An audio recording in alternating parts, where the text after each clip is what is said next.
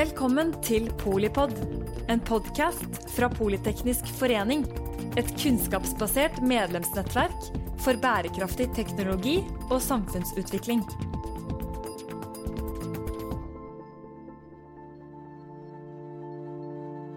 Welcome to the world seen from Hanoi. My name is Stein Tønneson, and uh, I look forward to having a conversation for one hour with His Excellency, the ambassador from the Socialist Republic of Vietnam, Le Hong Lam, who's sitting here. This is uh, part of a series organized by Polyteknisk Forening on how what the world looks like from various cities around the world. This series has been funded by the foundation Fritt Ord, for which we are very thankful. I'm particularly delighted to have Le Hong Lam here. He has been ambassador to Norway since February 2020, came here just before the pandemic. I think has suffered, like the rest of us, from the pandemic in having meetings and so on. Uh, before he became ambassador here, he worked for many years as a director of the um, De Department of International Relations at the Office of the Government in Vietnam. Not one of the ministries, but the Office of the Government itself.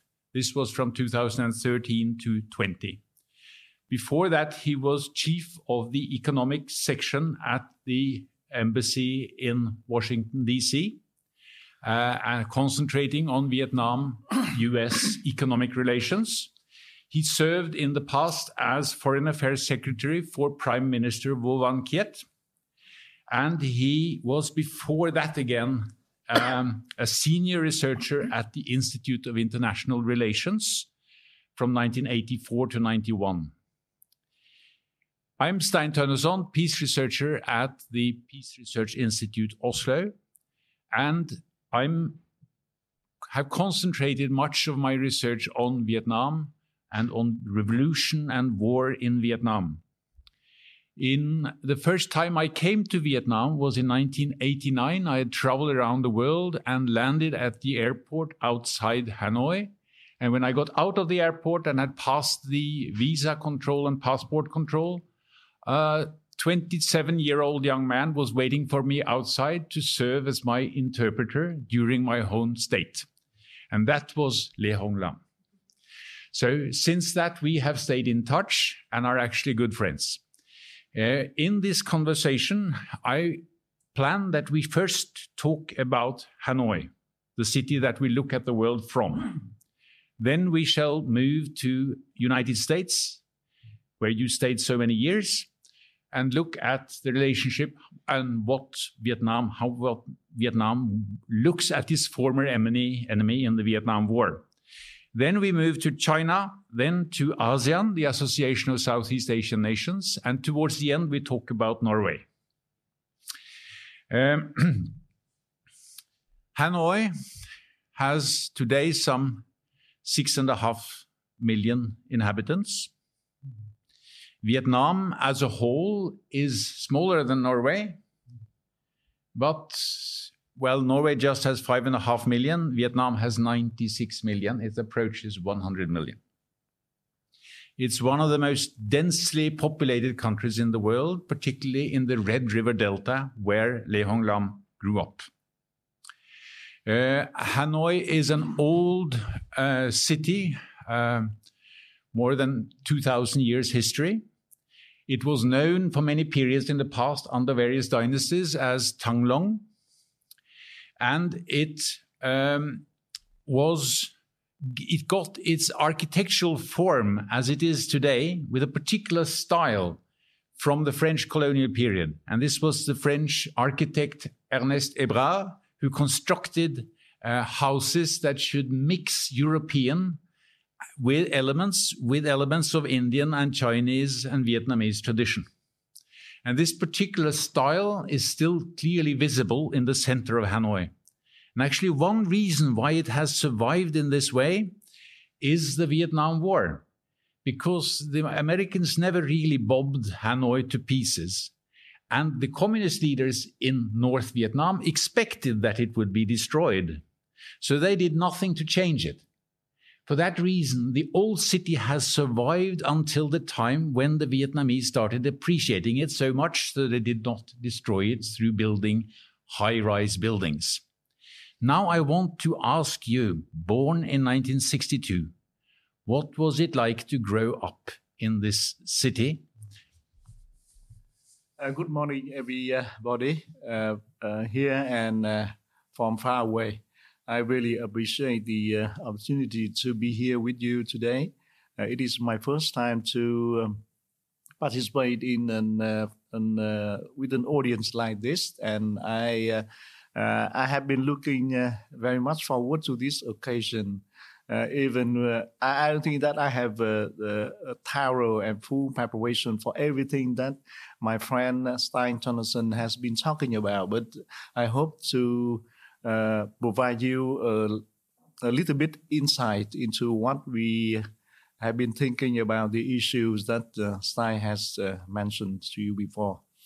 Um, well, I think uh, Stein has made a quite an uh, comprehensive introduction, not only about me, uh, uh um, but also by about my country. And I think um, I like to thank him very much. And I think that the time I spent with him uh, in uh, in the in the period in the night in 1989, which was I think one of the most uh, interesting and exciting period in uh, Vietnam's contemporary history. Um, well, um, live in uh, the during wartime, uh, I I don't think that, that any one of you here has been living in in wartime because uh, I think most of you were born after the Second World War. Uh, but uh, for me, um, I really experienced the uh, the life uh, how uh, how the war was fought in in Vietnam and how people live in the the part of country that had been Uh, bombed by the American uh, twice uh, in in my time. Um, there are uh, uh, a few vivid memories about the time. The first was the my first evacuation from Hanoi, which was in from 1967 to 1970 when I was um, seven years old.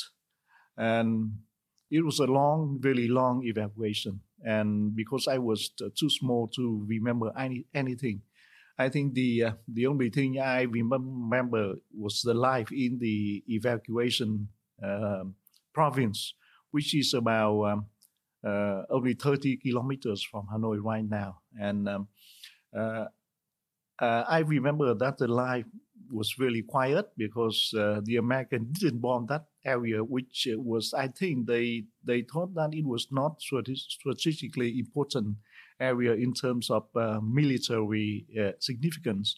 So um, I had um, three years of rather quiet life with the occasion uh, occasional visit by my father, who remained in Hanoi before he was. Uh, uh, director of uh, the department within the railway uh, administration. So we had to remain in Hanoi, and all of our family, including my mother, had to evacuate from Hanoi. And the second and and during that evacuation i think i came to know my first teacher who, who was a woman and uh, i hope she's still alive. I I, uh, I, came to visit her once and uh, she, uh, she still remembered me because uh, uh, at the time I was rather a naughty boy during her class, and so uh, uh, I, I got a lot of reprimand from her. I, I guess, and so uh, she remembered me as one of the problem student in her class.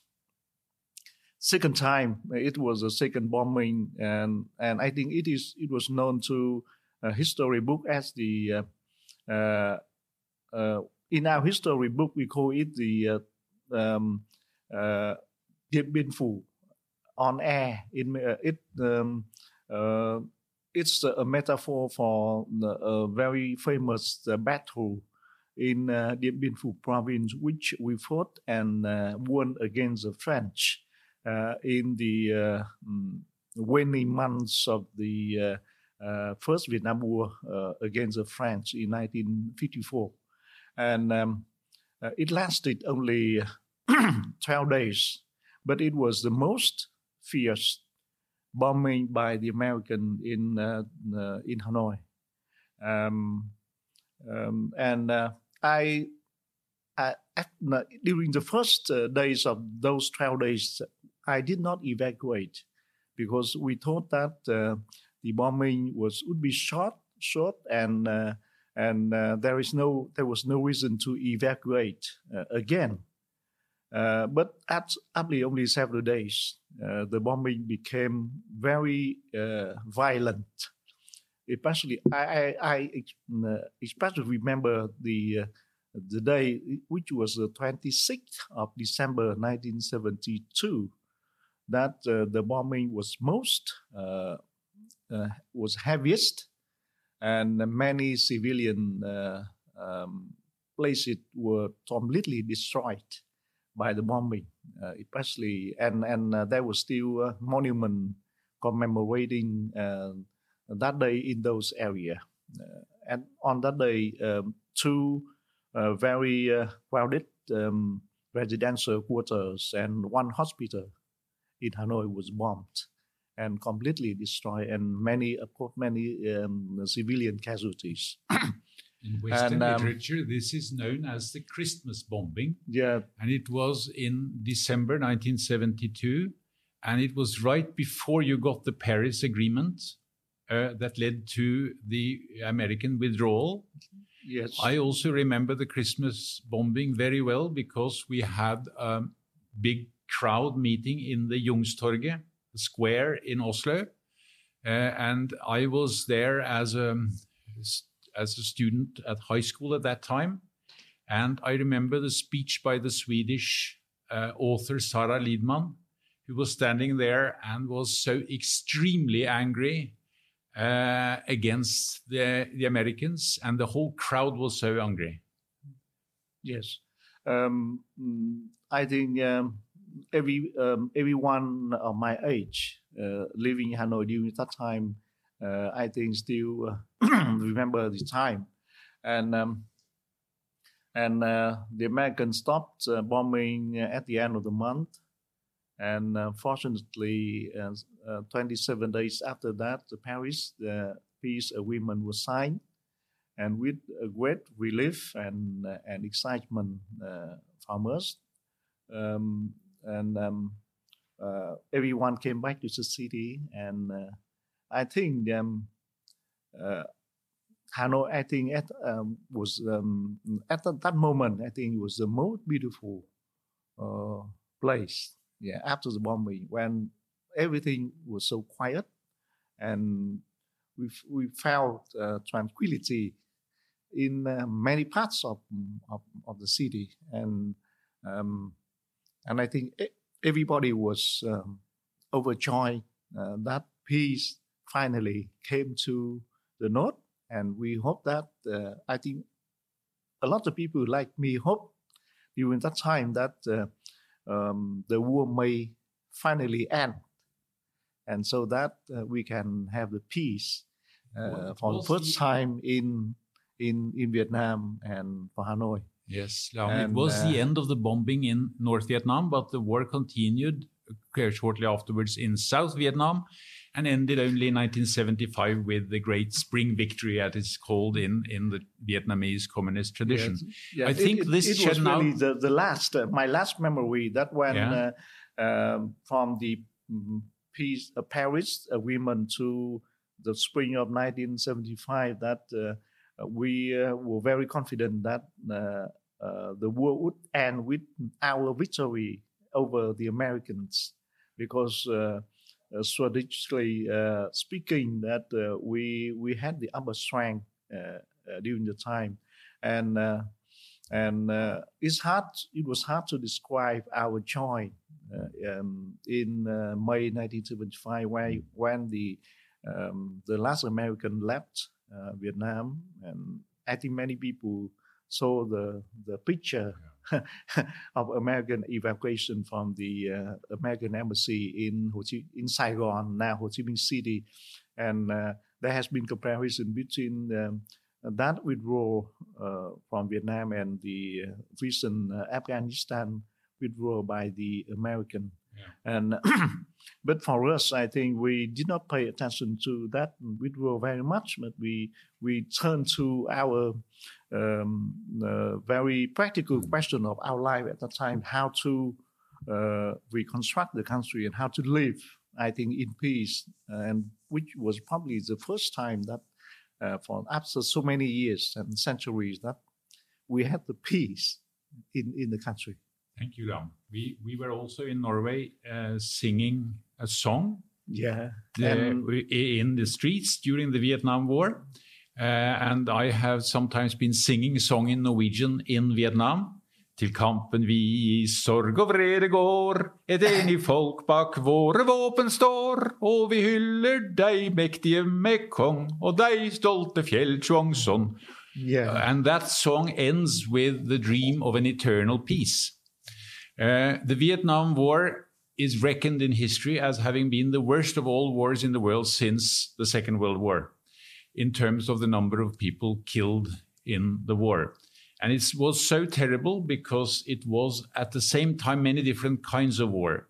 A civil war in South Vietnam, civil war in Cambodia and in Laos, a war between North Vietnam and South Vietnam, and with heavy in intervention from the United States. So the United States took over the warfare in South Vietnam and bombed North Vietnam, and then enormous support to North Vietnam from China and from the Soviet Union.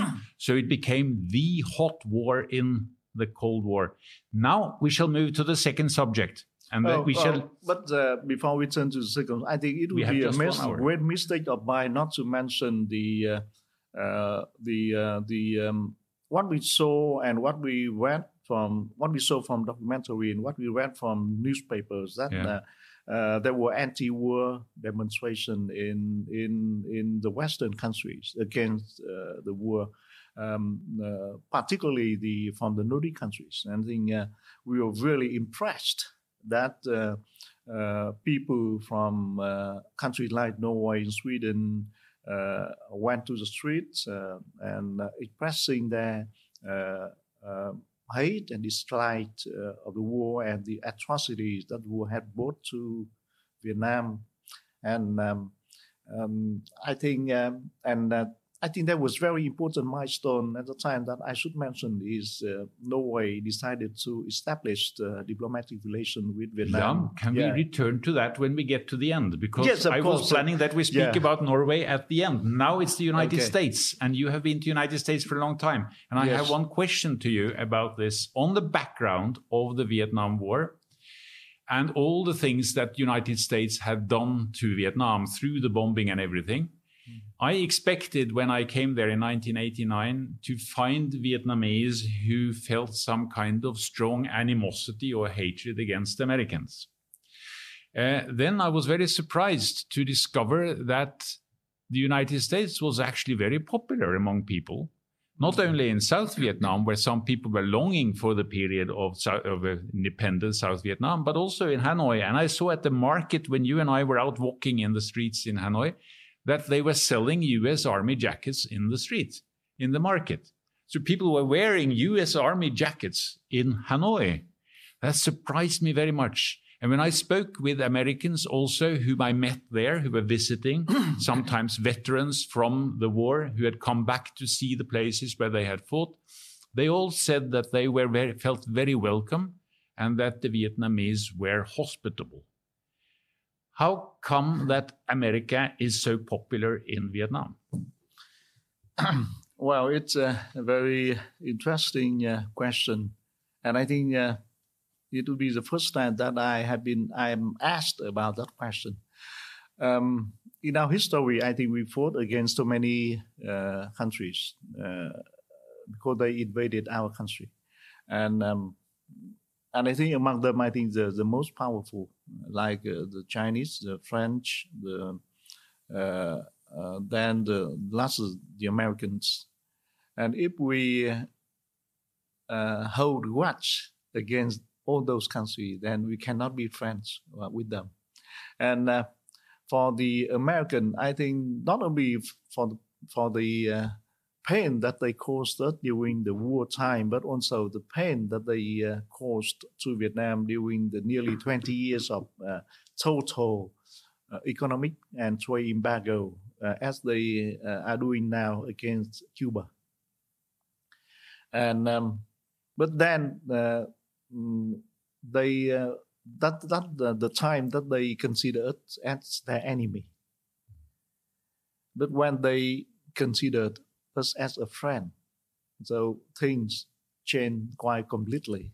And uh, um, for for Stein's um, wonder how come that we we um, we turn from enemy to friend. I think it's it's a very common, uh, very usual uh, phenomena uh, uh from from Vietnam, not only to the American but to to other countries that we used to fight against uh, during the past. Uh, for the American, I guess you know my uh, my personal feeling is that uh, probably they they uh, they are they have been buying more from Vietnam.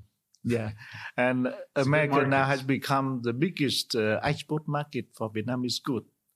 They buy nearly twenty percent of our export every year, and I think it um, it um, very weak market, and uh, of course, uh, uh, it have a lot of Vietnamese people who want to make a living because those industry that sell their goods to the United States are the labor-intensive industry, and they employ a lot of people and, and labor, especially in the poor area in the Mekong Delta, and so.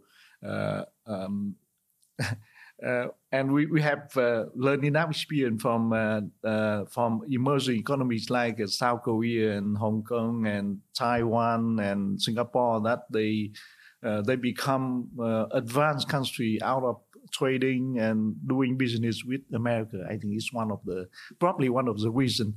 The, the other reason is that they happen to speak English, and uh, and uh, I don't know why, but uh, English-speaking country have a certain appeal to many uh, countries, and Vietnam included. And uh, I think, according to the uh, survey last year, that uh, uh, the English-speaking country, America included, often rank the top of the country that the the students from ASEAN country, especially from Vietnam, want to go to. So probably there are two uh, reasons why um, uh, there is a peer, you know, from from America to Vietnam, and of course, the people can say that uh, let's bygone be bygone, and uh, and we we don't you know forget the past, but uh, we we don't want the past to be an obstacle to um, the development of relationship between country and country and between people and people. And there are many lessons in the past that enemy become friend and even allies. And so um, uh, it Don. is a, yeah, a normal phenomenon in international relations. Mm. And uh, and uh, I think America is not really an, an exception. you mentioned the embargo, and the, it took until the 1995, uh, 20 years after the end of the Vietnam War, before normal diplomatic relations were established between the United States and Vietnam. But uh, today, it's my impression that the relationship is better than, than ever. Uh, I looked up on the state, US State Department website yesterday what they say about Vietnam, and they say that 25 years after the establishment of bilateral relations in 1995, the US and Vietnam are trusted partners with a friendship grounded in mutual respect. US Vietnamese relations have become increasingly cooperative and comprehensive, uh, evolutioning into a flourishing partnership. Mm. And this, this is now a relationship between a communist party states and a system in the United States which is actually uh, hostile to the kind of system that you have in Vietnam. And you mentioned one reason for this, the economic one It's an, it, it, for the Vietnam, United States is an important market and also a source of investments. Uh, but what about the United States? Why are they now so uh, nice and kind to Vietnam?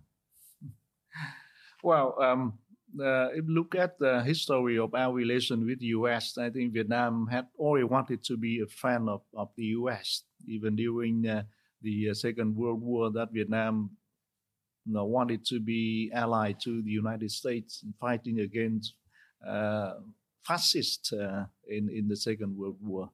Uh, but then the U.S. turned to to their ally, which was France, and in order to uh, take back the uh, colony that France uh, had been losing, you know, in in in in Vietnam. And I think it was uh, their very uh, biggest mistake that the uh, United States had made regarding Vietnam. And but then I think when we see each other as the enemy, as sorry, as friends and partner, I think things have changed uh, completely. And um, uh, uh, in terms of uh, commercial relation, I think you have seen that the uh, uh, very fast growth. But in terms of other sectors like education and and and um, and other sectors of cooperation, I think they have been uh, going, I think, uh, beyond any uh, expectations. So through that, I think mutual understanding has been really increasing. And I guess that the American now see Vietnam not as the, any threat to their interest in, in the region. I agree um, with you there. Yeah. It's to the contrary. Uh, Vietnam is essential for the United States in uh, containing the power of China. But and, I have one other question to you there. Yeah, but uh, because you mentioned about sort of ideological difference, uh, uh, like uh, why the West is a um, um, well, a Western country and Vietnam is a communist country that can can be friend. I think it it is a wonder of international relation, and um, uh, we used to fight each other because of that uh, difference. But then we we think that um, it it is a model that every country uh, uh, had chosen uh, according to their uh, uh, practical needs and uh, and the people aspiration. So um, if we are not threat of each other, and if we can be friends even with different political system, I think there's no reason why we cannot develop uh, relation, and I think it, I think it's one of the great recognition of of the 20th and 21st century in international relation that um, countries with different political system can live together and can develop relation uh, with each other very well.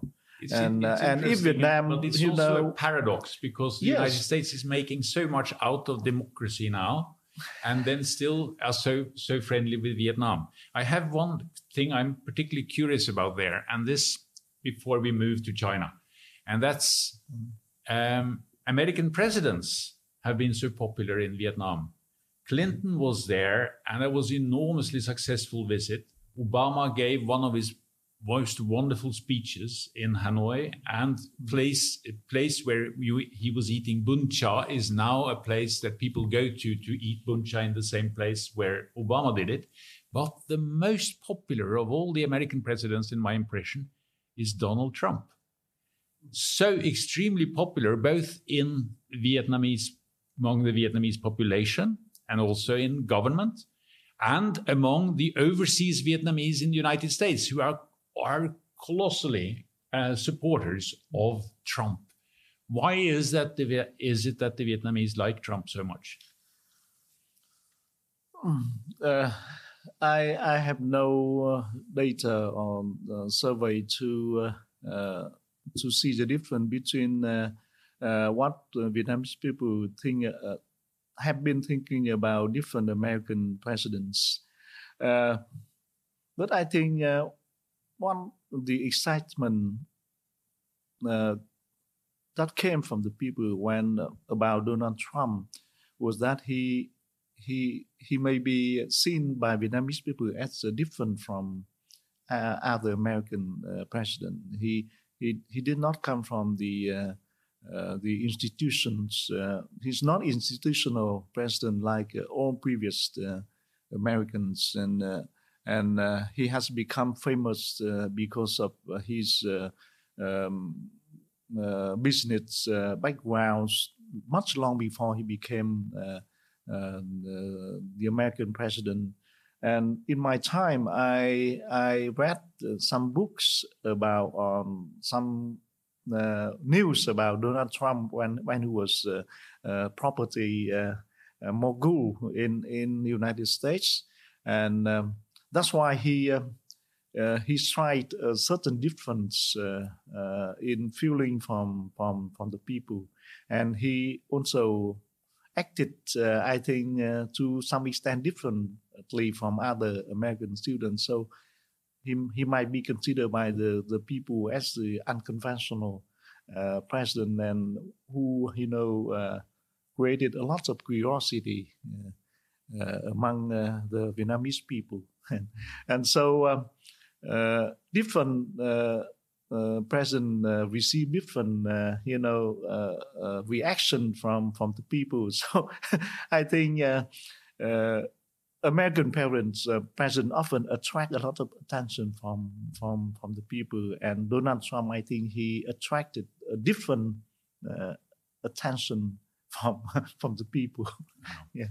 One one Vietnamese friend also told me that uh, the Vietnamese felt that that the Chinese were afraid of Trump because he was not so easy to calculate. So therefore, since when the Chinese became afraid, they would also be more accommodating towards Vietnam. uh, but let us now move to China. Yeah. Uh, the distance from Hanoi to Washington, D.C. is 13,350 kilometers and 22 and a half meters, according to, the, the, to Google. But the distance to Beijing is just 2,324 kilometers. So if we move up, it's very close to the Chinese border. Mm. Uh, the relationship between uh, China and Vietnam deteriorated quickly after the Vietnam War's end. There was warfare between Vietnam and China from 1979 to 1987 primarily with the in invasion in 1979, where the Chinese troops planned to come down and threaten Hanoi, but they were stopped before they could get that far, but very tough resistance from Vietnam. So this was another war. I remember also when I got to uh, Vietnam in 1989 that I asked one of our mutual friends what he would do if his uh, sister wanted to marry a Chinese, and he said that he would do everything to prevent it. So the attitude to Americans surprisingly was positive, but the attitude to the Chinese was very hostile among many people in Vietnam. Now, uh, the relationship is also a strategic partnership between China and Vietnam. And I can quote from a speech by Xi Jinping made in 2015. China and Vietnam have the same political system, share the same ideas and beliefs, have common strategic interests. We should be good comrades with mutual trust and mutual assistance. But what we have seen in later years are also popular demonstrations against China, and we have seen Vietnam being much less enthusiastic than other Southeast Asian countries about the Belt and Road Initiative from Xi Jinping. Uh, Vietnam has been reluctant to take big loans from, from China. And surveys of attitudes in Southeast Asian countries show that Vietnam is the only country in whole of Southeast Asia that likes America much more than China. Most of the others prefer China to America, but Vietnam, the Communist Party state, is the one country that marks itself out as being most uh, pro American and most anti Chinese. How do you explain this? Another interesting question, and uh, and um, yeah, there has been much talk about uh, U.S.-China decoupling, and uh, and everybody uh, has to take side. you know, I think it's it's not not to the point. Um, well, about China, I think China for for many Vietnamese people is a great nation, and there's so many things great and good uh, about China. And we we really admire the uh, Chinese uh, civilization, culture, and and my one of my best wish is that when I have time, I should visit China for several months because there are so many things in China that you want to see. Not only the World Heritage side, but uh, also the uh, cultural and the beautiful uh, places that uh, have been so appealing to many Vietnamese people, including my, me myself. Um, Vietnam and China, I think, uh, has been having a very good relationship. And as you say, that we have the same political system, and we all aim for socialism and uh, and with uh, one party uh, system. Um, but um, one of the dramatic change in in the relationship between China, Vietnam and China is that uh, uh, since the 1990, uh, the two countries uh, have been treating each other as uh, equal nation and equal partner rather than ally or uh, perhaps President Xi Jinping uh, used the word comrades, yes, because we are uh, uh we are Communist Party uh, led country, and uh, for the communists we call each other comrades, but it it just is the way of addressing each other. it doesn't mean that the communist country should be ally or should be um, close we should have a close alliance in in for for certain you know common objectives um, I think for a long time, especially since the normalization of Vietnam and China relation in the night in early 1990, that the, the two countries uh, have been uh, treating each other as equal and and country like like between uh, any other countries in the world. So it doesn't make any difference between, you know, um, even we have a same ideological system, and uh, and and I think China also want Vietnam to uh, have very have a you know uh, increasingly better relation with any other country in the world, even with the the country which has the very different political system like United States or the Western countries. So um, um, in fact, uh, China is now the greatest trading nation of Vietnam. And we really cherish that, and we see China rise as uh, having more opportunities than than uh, than challenges to uh, to Vietnam. Um, but of course, there are still sentiment, you know, among Vietnamese people, and and and I think it is understand understandable that um, uh, when you compare with U.S. and China, uh, U.S. is uh, the the the the, uh, the only superpower country now in the world, uh, but it is very far away, and it does not have you know sort of quarrel or conflict like between neighbors. Vietnam and China are very close neighbors. We have a very long history of ups and down and up and down again, you know, and um, but finally, we we come to realize that we can live, you know, quite peacefully, and well, we have uh, disputes, we have conflict, and uh, there are ways to solve disputes, the conflict. Uh, but until those disputes and conflict are solved, uh, you you must, you know, recognize and admit the fact that uh, there are still the anti-China feeling among some of the Vietnamese people. You're right. There have and, been ups and downs. And, yes, and uh, it, uh, I, I, I just have to intervene there because there have been ups and downs, and one of the the big ups was in the 1990s, but that was up both for Vietnam-U.S. relations and U.S.-China relations where you got uh, normal ties to uh, China again. I remember when you and I traveled to the border to China in 1989, there when the railroad had been interrupted and people had to walk if they were going to trade over the border. Uh, and they came with their motorbikes. In the 90s, everything was opened again. So you had railway and transportation of all kinds. And now also Vietnam is the biggest trading partner for China in Southeast Asia. The other nine countries are less important economically for, for China than Vietnam. Uh, but we should also mention uh, the border issues because that also improved very much in the 1990s where the countries, two countries, negotiated a land border treaty for the area where the war had been going on from 1979 to 87. And a full comprehensive treaty was signed in 1999, wasn't it?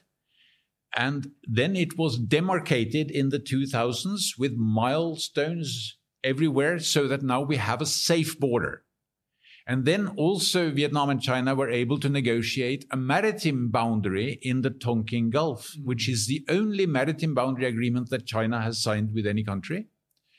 Uh, but then there is what has really led to um, trouble between the countries later is the South China Sea further south. So how would you how would you see Chinese behavior in the South China Sea? well, I think yeah, um, the um, disputes in South China Sea may be uh, the biggest uh, uh, obstacle to uh, uh, the relation between Vietnam and and China. Um, of course, in terms of commercial trade relationship, we like China to buy more from Vietnam because there is a still very big deficit in our trade relation with with China and and uh, in in China's favor. Yeah, we uh, um, and of course we Vietnam would like China to buy more from Vietnam in order to why uh, to shorten the deficit. But I think the main thing is the uh, the dispute in South China Sea, and well, uh, you asked me a question why uh, so many uh, some Vietnamese people still hold grudge against China, or you call anti-China feeling or something. Um, well, I think I can I can ask you the same question whether uh, you you like a neighbor uh, who uh, you know uh, came to claim your economic exclusive economic zone without any legal foundation, and I think it is a case of China that unfortunately that they still stick to their historical claim of the nine-dash line that they they uh, think that 90% of the South China Sea belongs to China without any legal foundation and which has been rejected by the tribunal in 2016 and so it's hard you know to explain to the people why you know such a claim uh, which has been internationally rejected and the China still stick to the claim and come to the uh, economic, economic zone of a country, which is recognized by international law. Uh, and build, you know, uh, not I, I, don't mention the militarization of, of the of this artificial island, but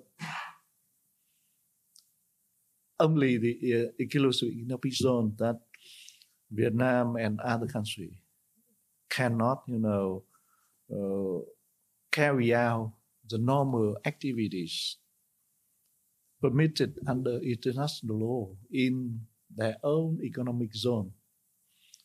And it's hard to understand. And if you live, you know, along a neighbor like that, it's hard to convince the people to like that neighbor. So um, uh, uh, we hope that China will change its position and and uh, come to a peaceful solution to the dispute. So that I think the I relation so between too. China, not only with Vietnam and China, but with, with other ASEAN countries can can be improved. And and according to the survey, uh, I think last year by the uh, Institute of Southeast Asian Study based in Singapore, that the, the great majority of people uh, in uh, in uh, in ASEAN country saw China behavior in South in South China Sea is very disturbing. And that, that moves so- us to the next topic because Yeah. we have to speed up and we get to ASEAN. so it's not only Vietnam but also ASEAN, uh, other ASEAN countries. And ASEAN, the Association of Southeast Asian Nations, um, is for Vietnam also a kind of counterweight to China, and particularly in the South China Sea. But that has not always worked. ASEAN was formed in 1967 by five non-communist states in Southeast Asia, and at that time was seen as a way to keep peace between themselves, among themselves, and also prevent further expansion of communism from Indochina into the rest of Southeast Asia. After the Vietnam War was over, also there was a kind of stalemate between ASEAN and Vietnam. But when Vietnam had withdrawn from Cambodia, after having troops in Cambodia from 1978 until 1987, 88, and the last leaving in 89, then we could got, get a comprehensive agreement on Cambodia in Paris 1991. And that opened the way for Vietnam to actually join ASEAN, which had been a kind of hostile organization before. And Laos also joined, Myanmar joined, and Cambodia eventually joined as the last one. Um, this story about how Vietnam became a member of the association that had been an, an adversary has been told in a book written by a mutual friend of ours, Nguyen Vu Tung, who is now the Vietnamese ambassador to South Korea. And he published it last year. It's called Flying Blind. And I understand that you have just read it. Uh, what, what's, what's your view on the importance of ASEAN for Vietnam? Has Vietnam managed to really utilize its membership to serve its interests, or has it not? Mm. I think yeah, for ASEAN, uh, mm, I, it was formed in uh, uh, mm, 1967, but I don't think it was formed as the uh, sort of uh, uh, um, an instrument to prevent communism from spreading throughout South Asia. I think the ASEAN Charter, when it was founded, was to promote peace, stability, and neutrality, and uh, and uh, free from foreign intervention in in in Southeast Asia. And um, I think um, you may have mentioned about SEATO. I think it's the another version of NATO in Southeast Asia. I think it, was really against uh, communism, but not ASEAN. I The think- Southeast Asia yeah, ASEAN, I think, is uh, Mm. for peace, uh, stability, uh, uh, development, and neutrality of, of South Asia, because ASEAN uh, countries, uh, especially its founders, want to have a sort of independent stretch, because they they saw the region as um, at at that time was uh, the uh, uh, place of, of of power struggle between uh, big countries, and and I think it it is relevant even now that um, ASEAN and Southeast Asia is still the the area of uh, uh, power, big power struggle. So um, uh, I think ASEAN uh, uh, is really an um, inclusive uh, organization. Um, I think the, the most vivid example is that it admitted Vietnam you know, as a communist country to be a member. So um, ASEAN did not, you know, differentiate between uh, whether you are a communist country or whether you are a uh, capitalist country to be a member. ASEAN admitted uh, a, a, country as a member uh, on the condition that that, that country uh, promotes, uh, commit to promote peace, stability, neutrality, and now we call that the ASEAN centrality in uh, in uh, every issue that is related to the security and uh, de- development world of of the of the region in particular. so um, um, we should see the very positive side about ASEAN. Yeah, it's not an instrument of any big power, and it will never be, become an instrument of any uh, big power. So, um, uh, so that I think is the, the, the very positive side about ASEAN. I'll ask you a specific question about Cambodia and Laos because they are fellow members of ASEAN, and uh, Cambodia has just taken over the chairmanship in uh, ASEAN. And the, the uh, Cambodian Prime Minister Hun Sen just traveled to Myanmar and kind of blessed the military dictator in Myanmar uh, and probably is now going to invite him into ASEAN to become to be accepted also by the other members of ASEAN. But my, my question to you is about the relationship between Vietnam and Cambodia and Vietnam and Laos. There was uh, they were part of one French-led unit, French Indochina, and the Vietnamese Communist Party also always considered there to be a special relationship with Laos and with Cambodia. These were three, three fellow countries that should hang together. In uh, with the relationship to Cambodia, everything went wrong because of the Khmer Rouge and Pol Pot. But the relationship with Laos was quite close for many, many years. But in the most recent years, Laos and Cambodia have become, become very close to China. And China is building infrastructure in those countries that ties it up with the Chinese economy. Is there now a feeling in Vietnam of losing Laos and Cambodia to China? Mm. I think Laos and Cambodia, I think even a very close neighbor to Vietnam, and Laos has an extremely special relationship with, with Vietnam. We, we we consider each other as brothers, yeah. and um, but uh, in the final anal- analysis, they are sovereign countries, and uh, and the sovereign country can uh, can you know have total freedom to exercise their foreign policy with any other country in the world. And so, um, uh, and they, they, they do it for their national interest.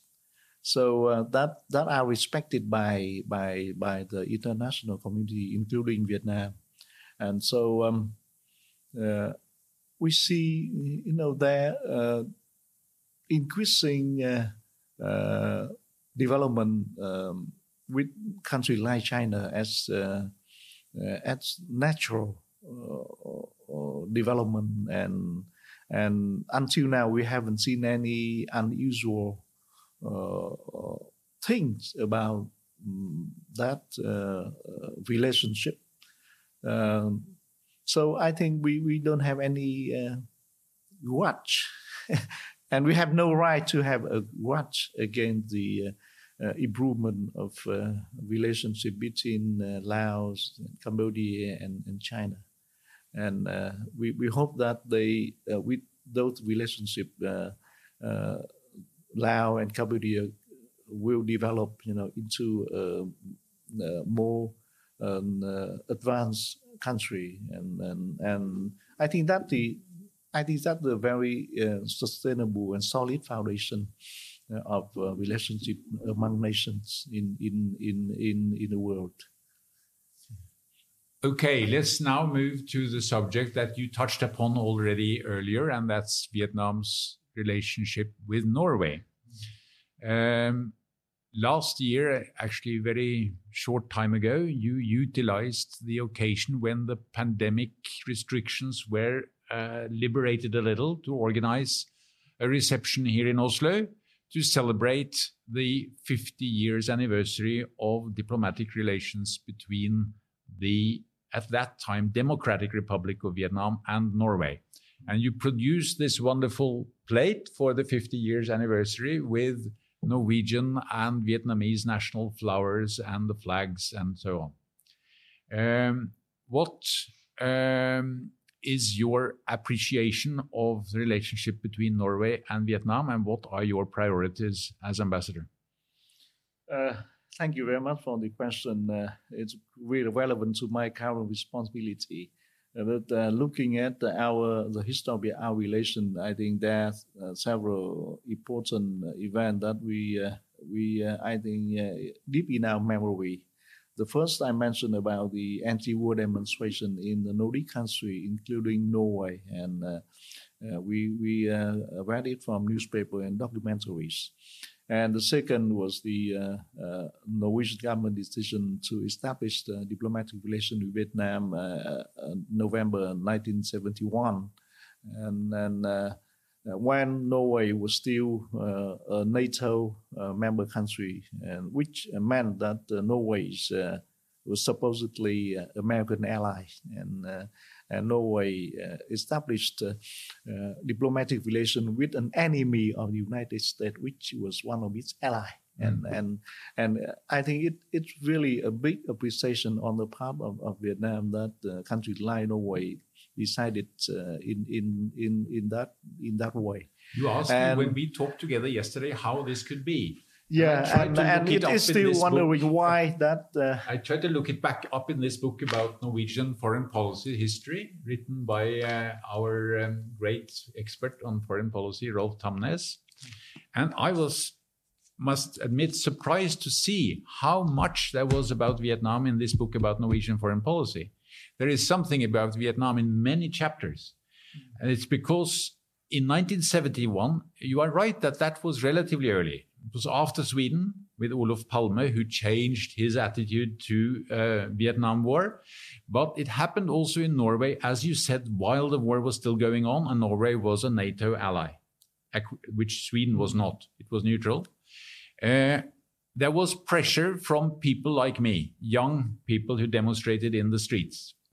And the Labour Party wanted to also accommodate this anti Americanism among the young and get and there there was a pressure also from the youth in that party. And they won the elections and established a government and then had decided before that to recognize the, the democratic republic of vietnam. But there was also another reason and that is that exactly because norway was an ally of the united states there was worry that the united states behaved in ways that would destroy its reputation and Norway needed a good America to protect Norway against the Soviet Union. so, in order to get a better America, Norway needed to tell. This was also part of Olof Palme's motivation. Yeah. And, uh, and that uh, was during the war. And after the war, I think uh, Norway was one of the first countries who came to uh, have it in our national reconstruction. And and in 1977, that the Prime Minister of Vietnam paid the first visit to uh, to to Norway, and uh, then he came back with an, a very uh, significant development assistance program for for Vietnam. And you remember that we were under the American embargo, and and I think it it's really sort of you know a friend indeed is a friend in need and Norway came to us as a friend in, in need.